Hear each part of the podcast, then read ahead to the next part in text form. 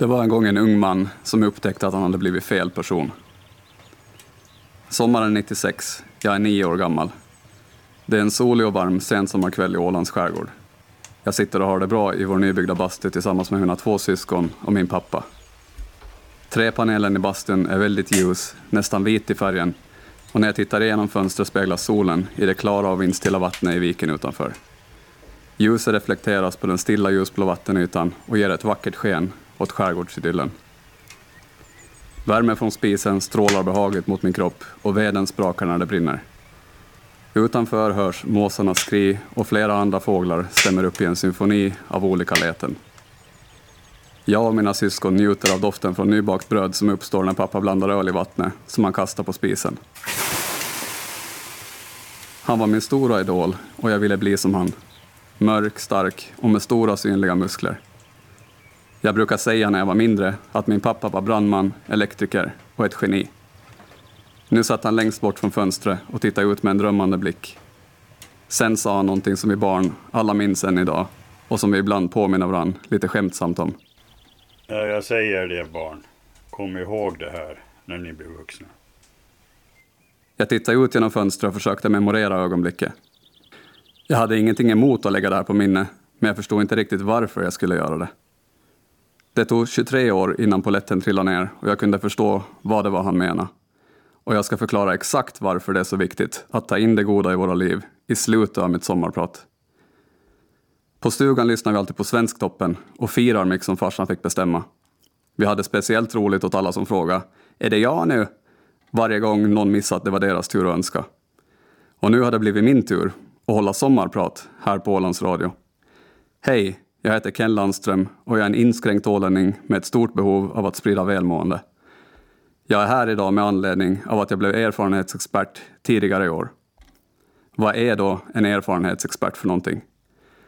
En erfarenhetsexpert är en person med erfarenhet av missbruk och eller psykisk ohälsa som har återhämtat sig och som genom en utbildning fått verktyg att dela med sig av sin väg till tillfrisknande och bättre mående. Och det är det jag ska göra i mitt sommarprat idag. Men först ett motto som jag tycker är ganska passande. Klok blir man av erfarenheter. Erfarenheter får man oftast när man gör någonting dumt. Och innan jag kör igång med resten av mitt sommarprat ska vi lyssna på en låt från Owl Nation som heter Sail.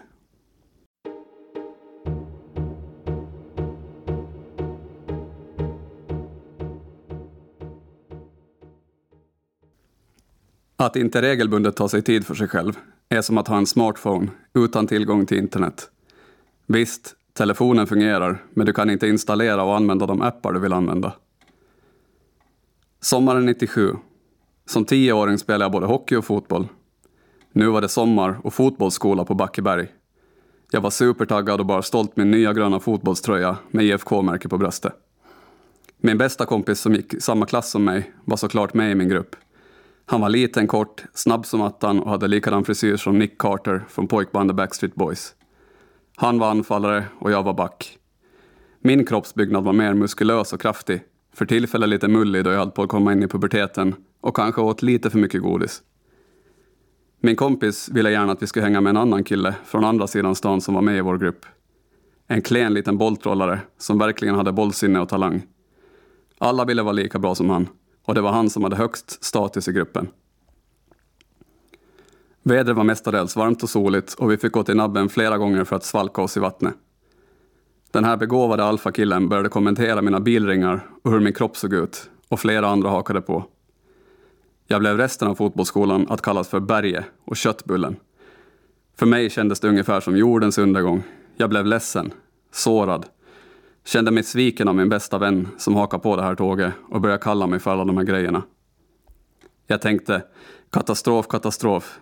Nu är det kört, det är ute med mig. Alla är emot mig. Jag kommer inte få flera tjejer, inga flera kompisar och jag kommer inte bli bjuden på några kalas.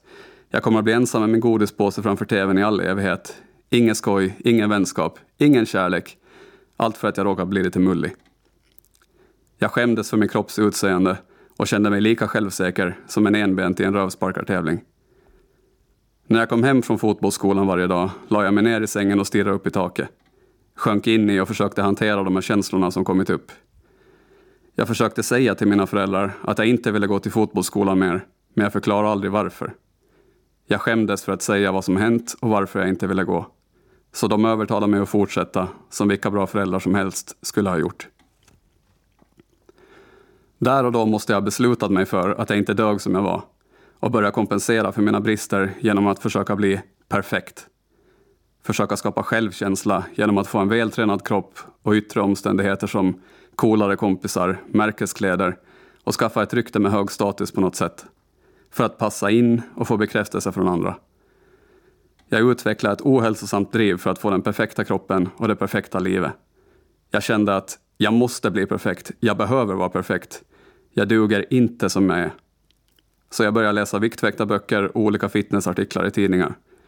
Tidningar som många gånger tyvärr hade dåliga tips och som var fylld med reklam där budskapet ungefär var Du suger, köp det här så blir du garanterat lycklig. Jag slutade med sporter och tog upp egen träning istället. Det var bara märkeskläder som gällde och det var superviktigt att umgås med rätt personer. Men det var inte förrän jag blev ungefär 12 år som jag lyckades få den smala kroppen jag ville ha.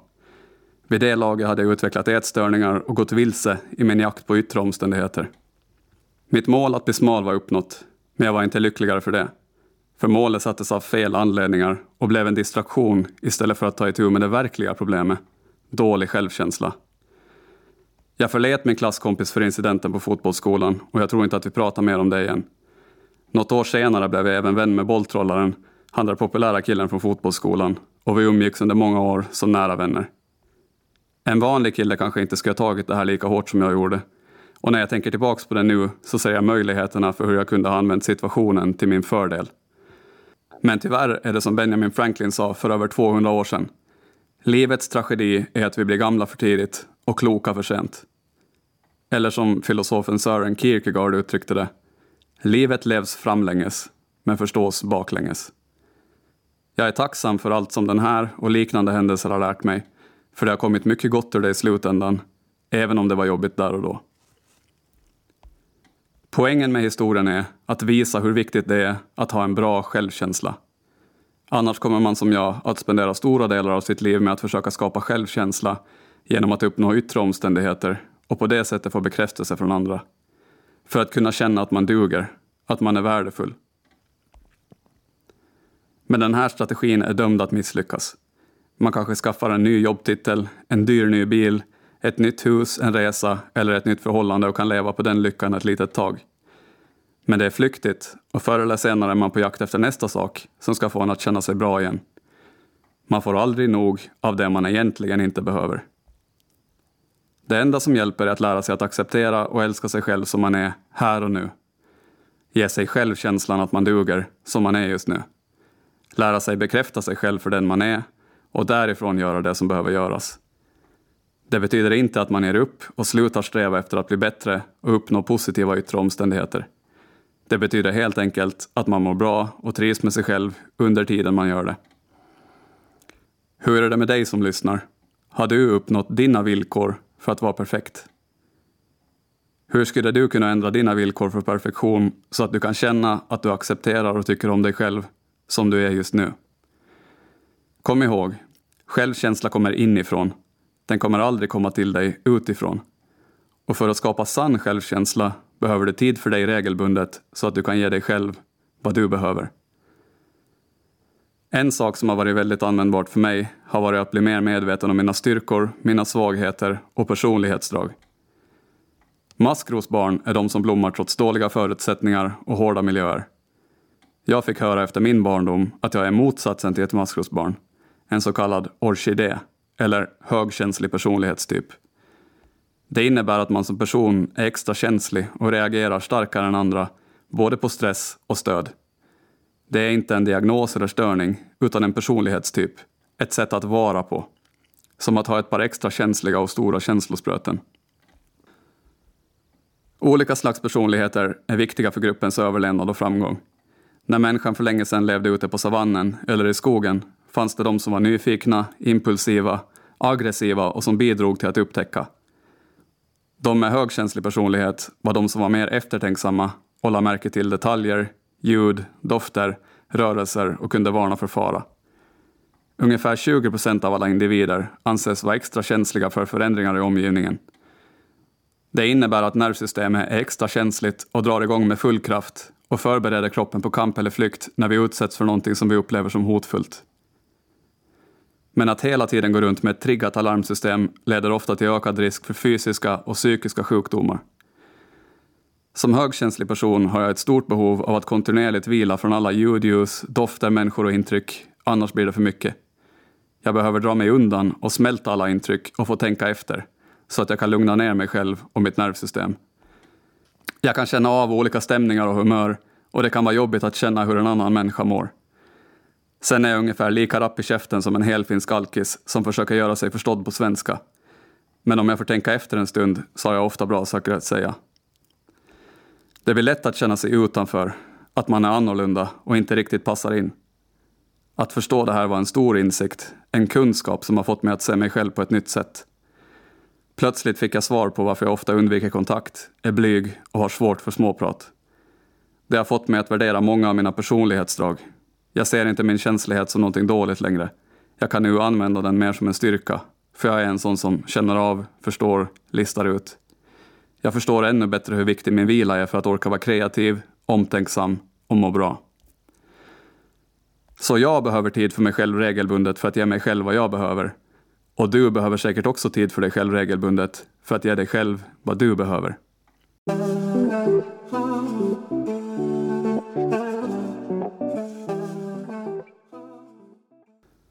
Låten du just lyssnade på heter Ögonblick och är gjord av Petter och Imenella. Hösten 2006, 17 år gammal. Kvällen har kommit och det är mörkt ute. Om några månader fyller jag 18 år, blir myndig och får bestämma själv hur jag vill leva. Men just nu är jag extremt frustrerad och förbannad för att jag inte har den friheten. Väggklockan som är så gammal att den säkert har barnbarnsbarn tickar högt i ena hörnet av vardagsrummet. Förutom jag och mina föräldrar sitter det en skäggig man med glasögon med oss. Han har gubbiga kläder och magen hänger utanför byxorna. Jag tycker inte om honom och anledningen till varför han sitter i vårt vardagsrum. Han är ett stort hot mot det enda som har något värde i mitt liv just nu. Han berättar om sina egna erfarenheter med missbruk och hur det skulle gå till om jag kom och bodde med honom för att få ordning på mitt liv och mina problem. Mina förtvivlade föräldrar tycker att det här låter som en toppenbra plan och är redo att skriva kontrakt. Jag är inte lika övertygad och avlägsnar mig snabbt från möte. Det här kan inte vara sant. Aldrig i livet jag tänker åka på något behandlingshem. Det här tänker jag inte gå med på. När gubben äntligen går därifrån är jag inte sen på att ta på mig ytterkläderna. Morsan märker att jag är på väg ut och känner på sig att det är knas. Med tårar i ögonen frågar hon vart jag ska, men jag minns inte vad jag drog till med för lögn. Hon kände som vanligt på sig vad som var på gång och vädjade med gråt i rösten. Snälla Ken, gå inte nu. Snälla Ken, gå inte nu. På den tiden hade jag blivit expert på att stänga av mina känslor och vara kall. Men min mammas vädjan var nära på att ta sig igenom mitt försvar och få mig att känna någonting. För ett ögonblick mindes jag alla känslor jag känt för min mamma när jag växte upp. Hur hon alltid varit så omhändertagande, snäll, omtänksam och kärleksfull. När hon varje kväll nattade mig och läste bok och sjöng för mig i sängen när jag var liten. När jag fick sova bredvid henne när pappa jobbade natt. När jag sprang hem från skolan för att jag visste att mamma hade slutat tidigt och vi kunde sitta ner vid köksbordet och prata, bara vi två. Alla gånger hon tröstat mig, uppmuntrat mig och älskat mig. Hur hon älskat mig mer än sig själv. Och att om jag gick nu så skulle hennes hjärta gå i tusen bitar. Sorry morsan, det där betyder ingenting nu, intalade jag mig själv. Tryckte kallt bort känslorna och flydde ut i natten utan att se mig om. Jag hade fullt upp med att inte känna och övertala mig själv om att jag gjort rätt. Jag måste bort från mina problem, bort från mina känslor, bort från min familj som tänker tvinga mig att åka på behandlingshem, bort från allt kaos. Nu hade konflikten tagits till en ny nivå och jag hade ingen avsikt att vara snäll mot någon. Det blev aldrig något behandlingshem. Tvångsvård var inte aktuellt då jag själv inte var med på det och snart skulle fylla 18. Den sunda reaktionen på min mammas vädjan hade varit att ge henne en stor kram och stanna hemma. Men när jag flydde den kvällen trappades konflikten upp och jag slutade bry mig om att jag sårar någon. Det var för jobbigt att känna att jag orsakar min familj lidande, så jag började blunda för det och gjorde dem till bovarna i historien för att kunna leva med mig själv. Den här scenen har jag tänkt på hur många gånger som helst under mitt tillfrisknande och den känns som en kniv i hjärtat. Ungefär vid den här tidpunkten så började jag också ha återkommande mardrömmar, att det var ett monster som jagade mig. I efterhand insåg jag att det var jag själv som var monstret och att det var mina känslor som försökte få kontakt med mig. Drömmen slutade annat när jag slutade springa i drömmen och vände mig om för att konfrontera monstret som förvandlades till någonting vackert. Vad jag lärde mig från den här upplevelsen är hur illa det kan bli när man stänger av sina känslor. Att stänga av sina känslor är inte bara destruktivt för sig själv, men även för människor i ens omgivning. Man blir okänslig och egoistisk får svårt att bry sig om andra. Känslorna kommer alltid att finnas där i bakgrunden, fast man stänger av dem. Som ett monster i ens undermedvetna, som en mardröm som bara väntar på rätt tillfälle att få komma fram och skrämmas. Man ger upp sin kraft och blir på ett eller annat sätt styrd av att försöka undvika obehag. Hur är det med dig? Stänger du av dina känslor? Är det dags för dig att lära dig att känna dina känslor bättre? Är det någonting du kan göra nu för att komma i bättre kontakt med dem? Lär känna dina känslor. Stäng inte av dem. Bli smartare än dina känslor så att du har kontroll över ditt liv. Och för att göra det behöver du regelbundet stanna upp och känna efter hur det är med dig. Du behöver ta dig tid för dig regelbundet så att du kan ge dig själv vad du behöver. Ah, ah. Ah,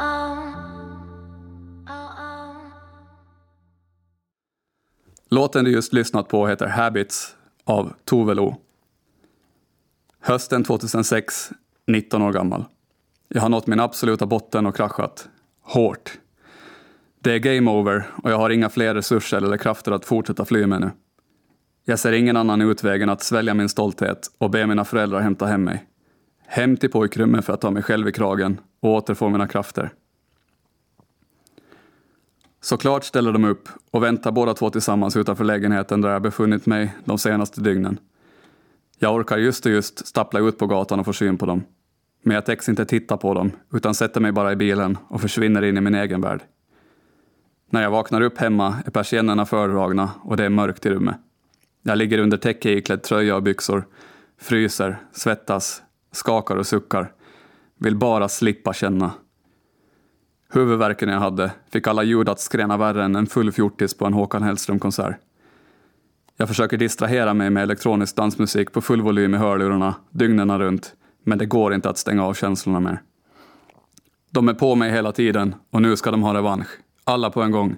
Förtvivlan, kraftlöshet, rädsla, sorg, depression, ovärdighet. Allt det där jobbiga som jag undvikit att känna hela mitt liv. Det känns som om en miljon myror kryper innanför skinnet och äter upp nerverna inifrån. Benen drar och jag vill sparka vilt omkring mig i frustration, men det finns ingen kraft. Jag vet att jag måste uthärda det här och att det kommer gå över någon gång, men just nu vet jag inte om jag ska fixa det här ögonblicket. Det skulle ju vara så enkelt att bara ta någonting för att sätta locket på skiten. Men nej, jag har bestämt mig för att gå igenom det här nu. Jag vill bli frisk och få tillbaks mitt liv.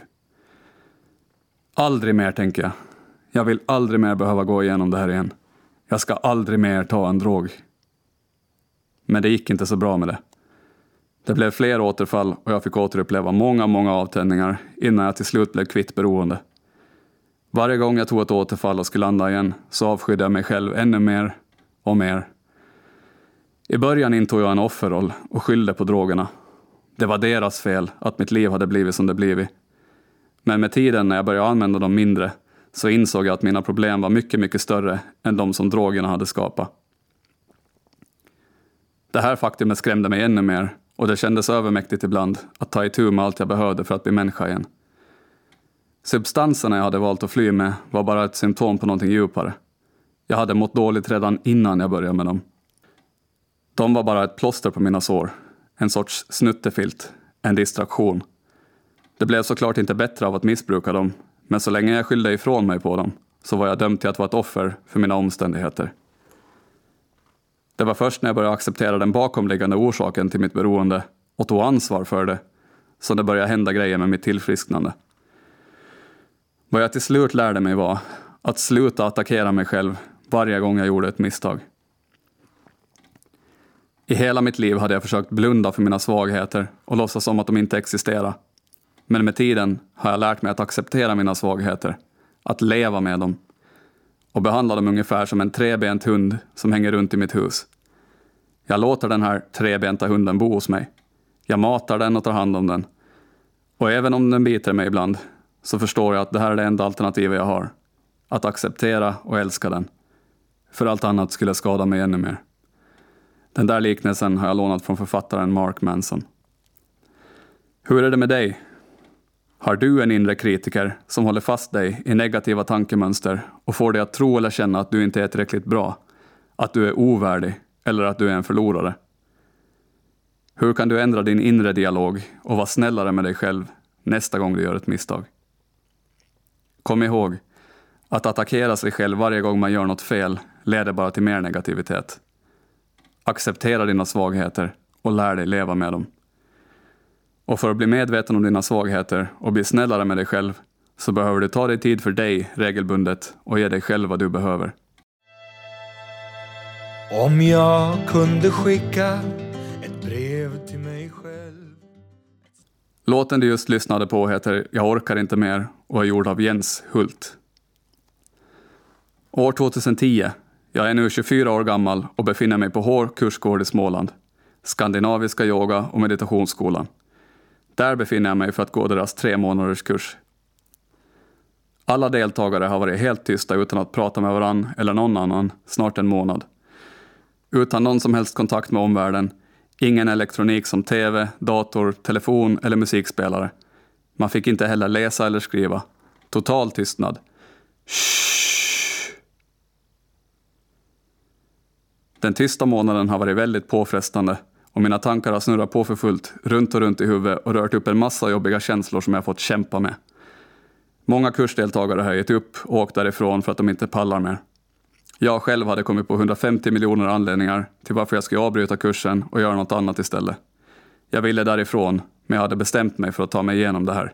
Precis som när jag uthärdat abstinenser tidigare, eller som när jag något år tidigare hade varit på ett 10 dagars vipassana meditationsretreat. Också det i total tystnad. Och då var det precis samma sak. Allt jag ville göra första tiden var att ta mig därifrån, men det var så väl värt att stanna.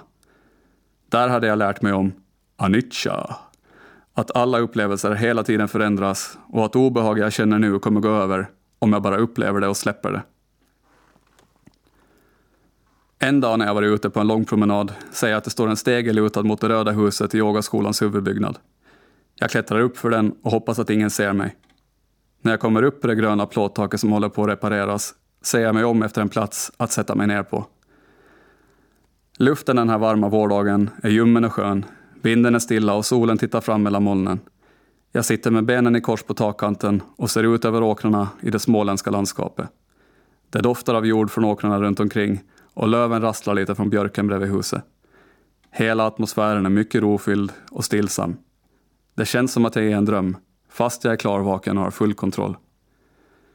I takt med att mina andetag blir långsammare slappnar jag av mer och mer och försvinner in i ögonblicket. Det är som att allting stannar upp och blir evigt. Tiden upphör att existera och jag bara är. Utan tankar på problem, oro inför framtiden eller minnen från det förflutna. Bara här och nu.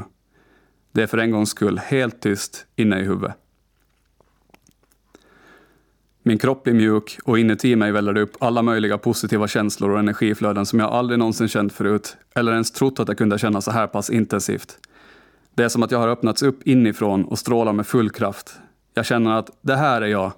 Jag har det här välmående i mig hela tiden. Jag behöver bara tillåta det att komma fram. Visst hade jag läst och hört talas om den här klyschan många gånger tidigare, men min personliga upplevelse av det var mycket bättre än bara kunskapen om det. Jag känner mig ungefär lika salig som Thomas Di Leva måste ha varit när han spelade in videon till låten Everyone is Jesus, everyone. Det var bara kaftanen och det krulliga håret som fattades.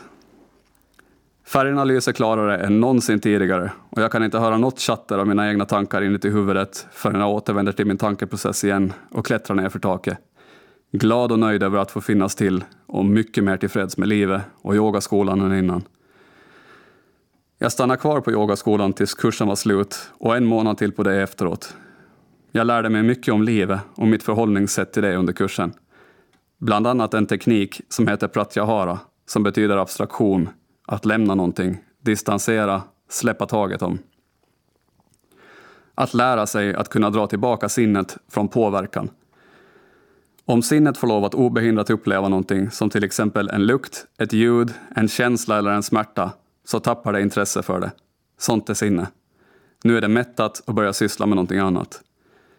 Ditt sinne intresserar sig för din omgivning och allt möjligt annat för att det måste veta om det finns något där som kan hota dig eller som du kan ha användning för.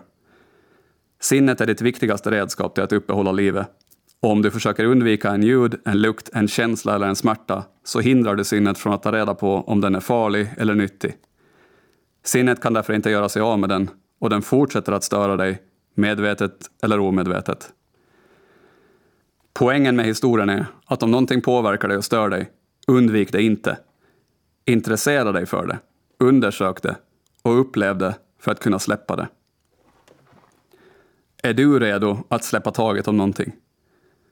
Har du någonting i ditt liv som stör dig? Något som du inte vill uppleva och som du försöker trycka undan och stå emot? Hur skulle det vara om du börjar intressera dig för det, undersöka det och uppleva det för att sen kunna släppa det? Kom ihåg, om du försöker undvika någonting så kommer det att fortsätta störa dig. För att kunna släppa taget om någonting behöver du tillåta dig själv att uppleva det.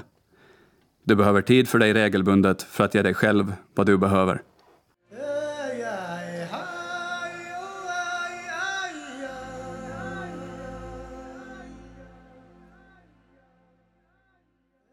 Du lyssnar på Sommarprat i Ålands Radio och jag som är sommarpratare idag heter Ken Landström.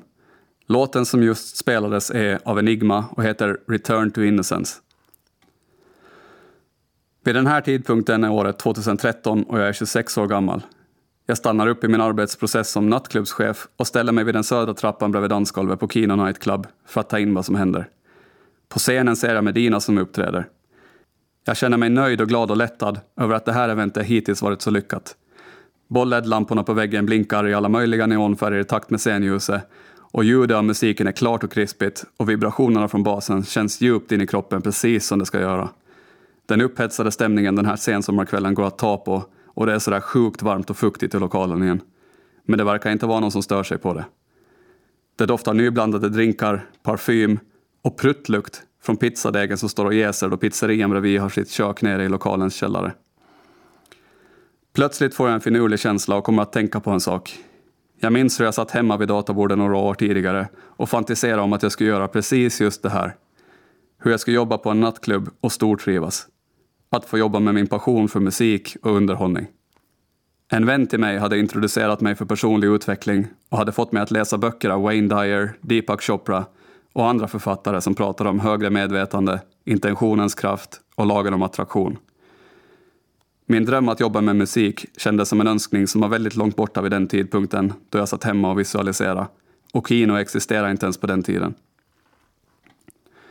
Men jag följde en formel för hur man får sina drömmar att gå i uppfyllelse och voilà! Här stod jag nu, flera år senare, utan att ens ha tänkt på den visionsprocessen före nu. Jag minns att jag tänkte att jag skulle ge den här tekniken en ärlig chans och tillät mig för en stund att tro på mig själv och föreställa mig hur jag ville att mitt liv skulle se ut i framtiden. Att verkligen se det som att det händer nu. Känna känslorna som att det redan har hänt och sen släppa taget om det och låta universum sköta detaljerna. Den stunden jag tog för mig själv i databordet för att skapa en vision av min framtid ett par år tidigare hade nu manifesterat sig och blivit min verklighet. Wow! Det funkade alltså. Jag kände mig överraskad och ivrig att ta reda på vad mer som är möjligt. Vad jag lärde mig från den här upplevelsen var att vi medvetet kan skapa vår egen verklighet. Hur är det med dig som lyssnar? Vad vill du att ska hända i ditt liv framöver om du tillåter dig själv att drömma fritt och vågar tro på det? Hur känns det för dig nu när din dröm har blivit verklig för dig? Tillåt dig att drömma mer. Våga tro på dig själv och vad som kan hända i ditt liv om du är öppen för möjligheterna. För att underlätta det så behöver du ta dig tid för dig regelbundet så att du kan ge dig själv vad du behöver. Och här kommer låten som Medina spelade den kvällen när jag stannade upp och tog in ögonblicket. Den heter Där palmerna bor.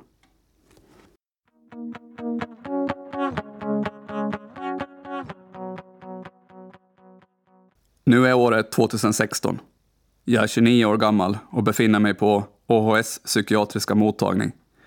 Jag får en kram av min terapeut efter vårt första möte och vi säger hej då för den här gången. Innan jag lämnar rummet tar jag in utsikten från hennes kontor på högsta våningen. Solen hade börjat gå ner mot horisonten och färgerna skimrade vackert på himlen i röda, rosa, lila och gula nyanser. Den där spända känslan runt bröstet och mellangärdet är där igen nu. Jag kämpar emot den och skyndar ner för trapporna ut mot parkeringen där min bil står. Jag tittar ner i marken, skäms och hoppas att ingen ser mig och tror att jag är något psykfall. På väg hem tänker jag på hemläxan jag ska göra. En livslinje. Jag ska ta ett A4-papper, svänga det på längden och dra en linje från den ena sidan till den andra. Den vänstra sidan representerar födseln och den högra representerar där jag är idag. Jag ska alltså tänka igenom hela mitt liv och skriva ner viktiga händelser som format mitt liv i kronologisk ordning. Det känns som en perfekt uppgift just nu eftersom det senaste halvåret har mitt sinne spelat upp jobbiga händelser från mitt förflutna och jag har inte kunnat kontrollera det. Oönskade minnen laddade med negativa känslor. Ju mer jag har försökt stå emot dem, desto intensivare har flödet blivit. Att bli pappa var ingen lek. Nu hade jag en underbar liten dotter hemma som jag var ansvarig för och som jag älskade mer än jag kan beskriva med ord. Före hon föddes hade jag kunnat göra lite som jag ville med mitt liv och på ett eller annat sätt fly från mina problem genom att distrahera mig från dem. Mina skelett i garderoben som jag inte ville ta itu med. Alla obearbetade händelser jag hade i mitt undermedvetna började nu komma upp till ytan och krävde uppmärksamhet. Saker som jag gjort när jag varit påverkad och aldrig förlåtit mig för. Som jag aldrig ens tänkt på eller kommit ihåg förrän nu. Men nu var jag tvungen att ta itu med dem, för min dotters skull. När jag kom hem frågade min flickvän hur det hade gått. Jag försökte gömma mig när jag brast ut i gråt. Det var första gången jag hade gråtit på väldigt länge och det var skönt. Det kändes lite pinsamt, men ändå som en lättnad. Och någonstans kände jag mig hoppfull om att det skulle ordna sig, bara jag gjorde jobben med mig själv. Nu fick det vara nog med att stänga av och försöka undvika mina känslor en gång för alla. Hur ont det än skulle göra nu, så skulle jag lära mig att hantera dem. Om jag så skulle vara tvungen att riva upp sårskorpan, hälla salt i det öppna såret och låta det svida. Det var så jag trodde att det skulle bli, men vilken tur att jag hade fel. Alla går vi runt och bär på någon form av känslomässigt bagage som tynger oss och som vi skulle ha stor nytta av att lätta på. Många människor är rädda för sina känslor och tror att de är svåra att göra sig av med, att det kommer vara smärtsamt och kräva mycket jobb. Men med rätt tillvägagångssätt är det faktiskt mycket lättare att ta itu med dem och släppa dem än att stå emot dem och fortsätta leva med dem. Jag gick ett år i terapi och kom ut på andra sidan som en mycket helare och lättare människa. Jag vill inte ens tänka på hur mitt liv skulle sett ut om jag inte tagit tag i mitt mående och sökt hjälp för det. Det jag hade störst nytta av var att ändra mitt sätt att se på mina problem, min historia. Istället för att se och känna mig som en förlorare fick jag ett nytt tankesätt som fick mig att känna mig mer som en vinnare. Min kamp för att bli fri från missbruk kunde jämföras med en OS-atlets träning, för jag kunde hålla med min terapeut när hon jämförde graden av ansträngning som krävdes av bägge. All den kraft och energi jag hade använt under många år till att bara försöka hålla mig drogfri kunde ha räckt till en atlet som tränar inför ett OS. Det tankesättet gav mig mer kraft än att se mig själv som en förlorare. Att istället för att gå och lägga mig och sörja över allt som var fel med mitt liv och vad jag gått miste om, så skulle jag fira att jag vunnit över mig själv ännu en dag. Vad jag lärde mig under det här året som jag gick i terapi var att ändra mitt sätt att se på mitt liv och hitta meningen med mitt lidande. Att lida är en del av att vara människa. Ingen kommer undan. Men vi kan alla hitta någon mening i vårt lidande och förvandla det till personliga triumfer. Hur mörkt det än är så skiner solen alltid bakom molnen. Har du någonting som du lider av i ditt liv? Vad kan vara bra med det? Hur kan du ändra ditt sätt att se på dina utmaningar och hitta mening i dem? När du ändrar ditt sätt att se på olika saker så förändras de. Lär dig hitta meningen i ditt lidande och förvandla det till en personlig triumf. Och för att hitta meningen med ditt lidande och förvandla det till en personlig triumf så behöver du regelbundet ta dig tid för dig själv för att ge dig själv vad du behöver.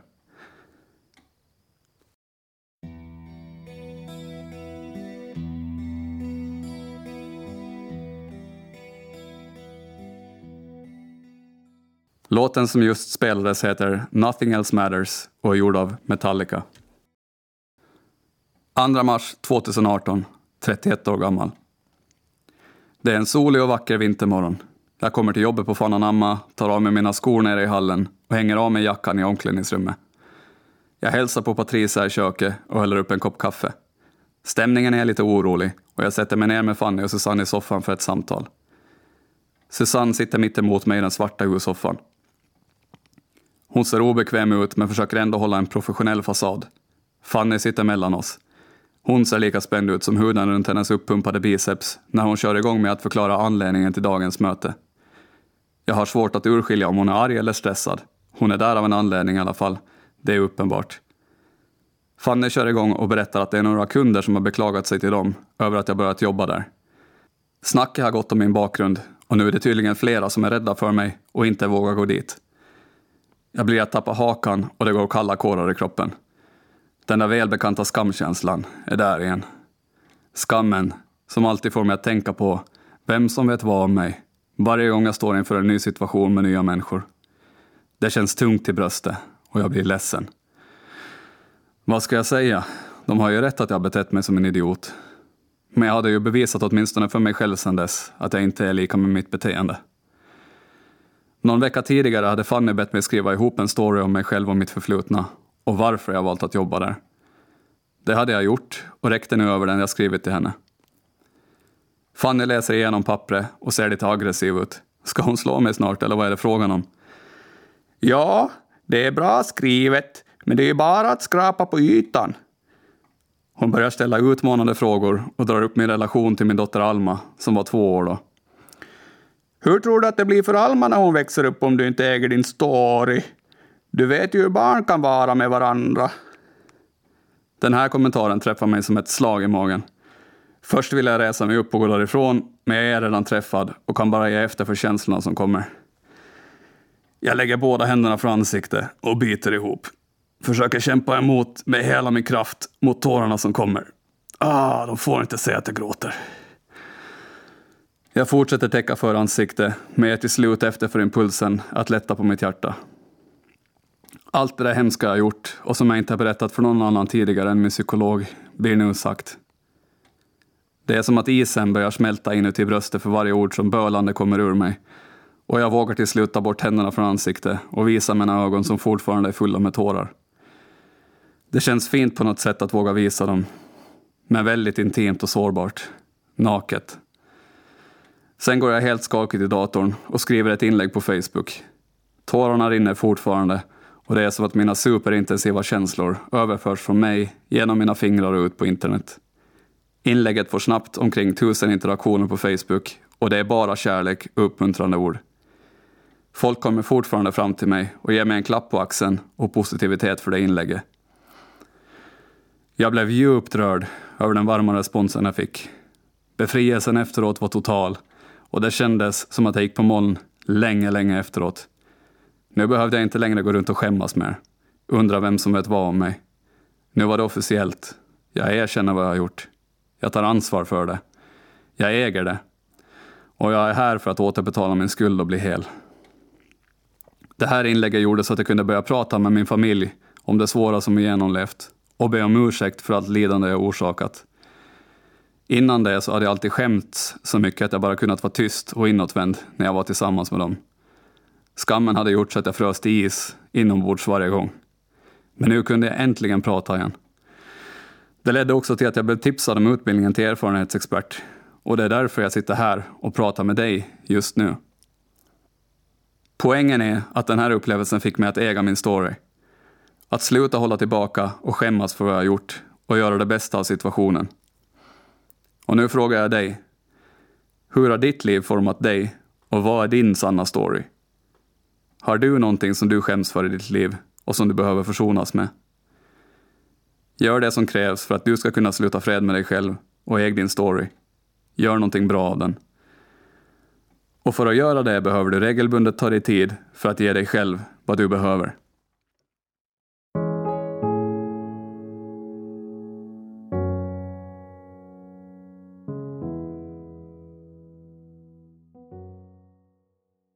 Låten som just spelades heter Phoenix och är gjord av Ison och Fille.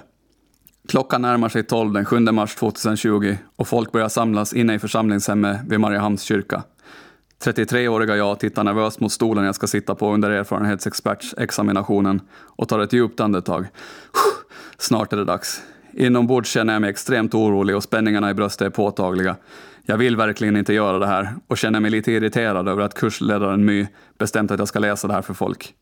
Det känns ungefär som att jag är tvungen att dra ut en tand utan bedövning, fast jag är både tandläkaren och patienten samtidigt. Jag tittar mot min klasskamrat Rickard som ser minst lika nervös ut som mig. Han möter min blick och båda fattar. Vi känner samma sak. Vi är båda nervösa. Det kommer att bli känslosamt det här. Vi pratar om det smärtsamma som vi snart ska göra och konstaterar att det bara är att göra det. Kommer det tårar så får du väl göra det då.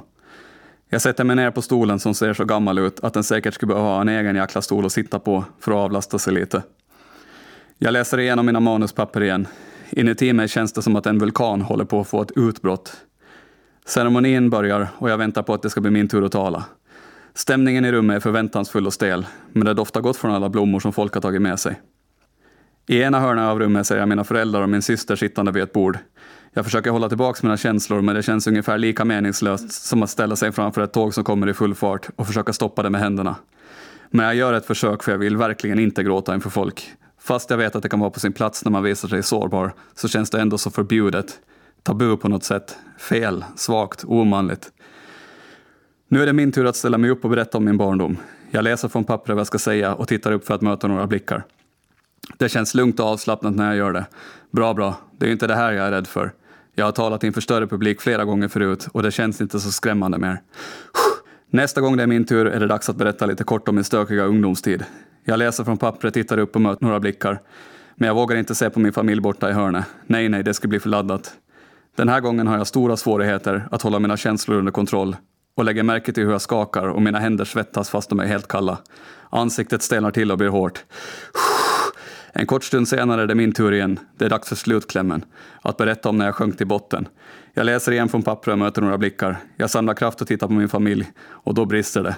Jag får en klump i halsen och tårarna kommer. Åh nej, jag hade gjort allt för att hålla dem inne.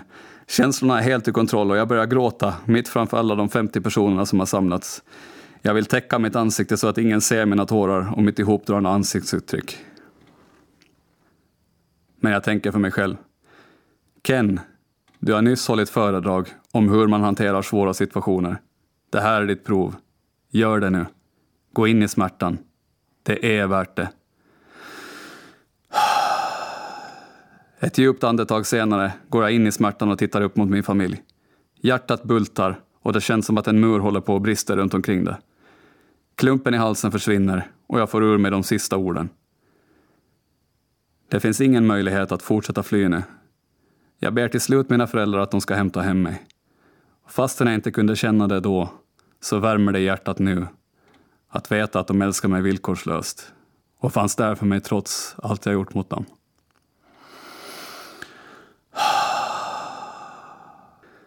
Jag sätter mig ner igen och får en kram av min rara klasskamrat Gina som sitter bredvid. Hela min kropp skakar och nu är det kaos i känslolivet. Jag är totalt omskakad men lättad på samma gång. Tårarna rinner och det gör ont. Det är som att hjärtat har fått mera utrymme inuti mig. Som att ett skyddslager har tagits bort och nu är det mera fritt där inne. Det får se ut som det vill. Jag behövde det där för att bli hel igen. Poängen med historien är att vi behöver göra smärtsamma saker ibland för att komma vidare i våra liv. Utmana våra rädslor, gå med på att känna obehag och på så sätt frigöra oss. Hur är det med dig? Har du någonting smärtsamt eller obekvämt som du vet att du borde göra i ditt liv, men som du undviker att göra? När skulle nu vara en bra tid att gå in i obehaget och göra det? Kom igen, ge dig själv vad du behöver nu.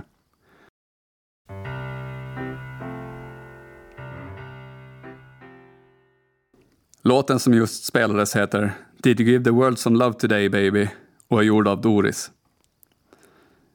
Nu börjar det bli dags att avsluta mitt sommarprat och jag lovar i början att återvända till min berättelse om när jag och mina syskon badade bastu på stugan tillsammans med pappa som drömmande tittade ut från fönstret och sa Kom ihåg det här barn när ni blir vuxna. Vi delar en positiv, välgörande upplevelse där och då i bastun. Ett vackert ögonblick, väl värt att lägga på minne.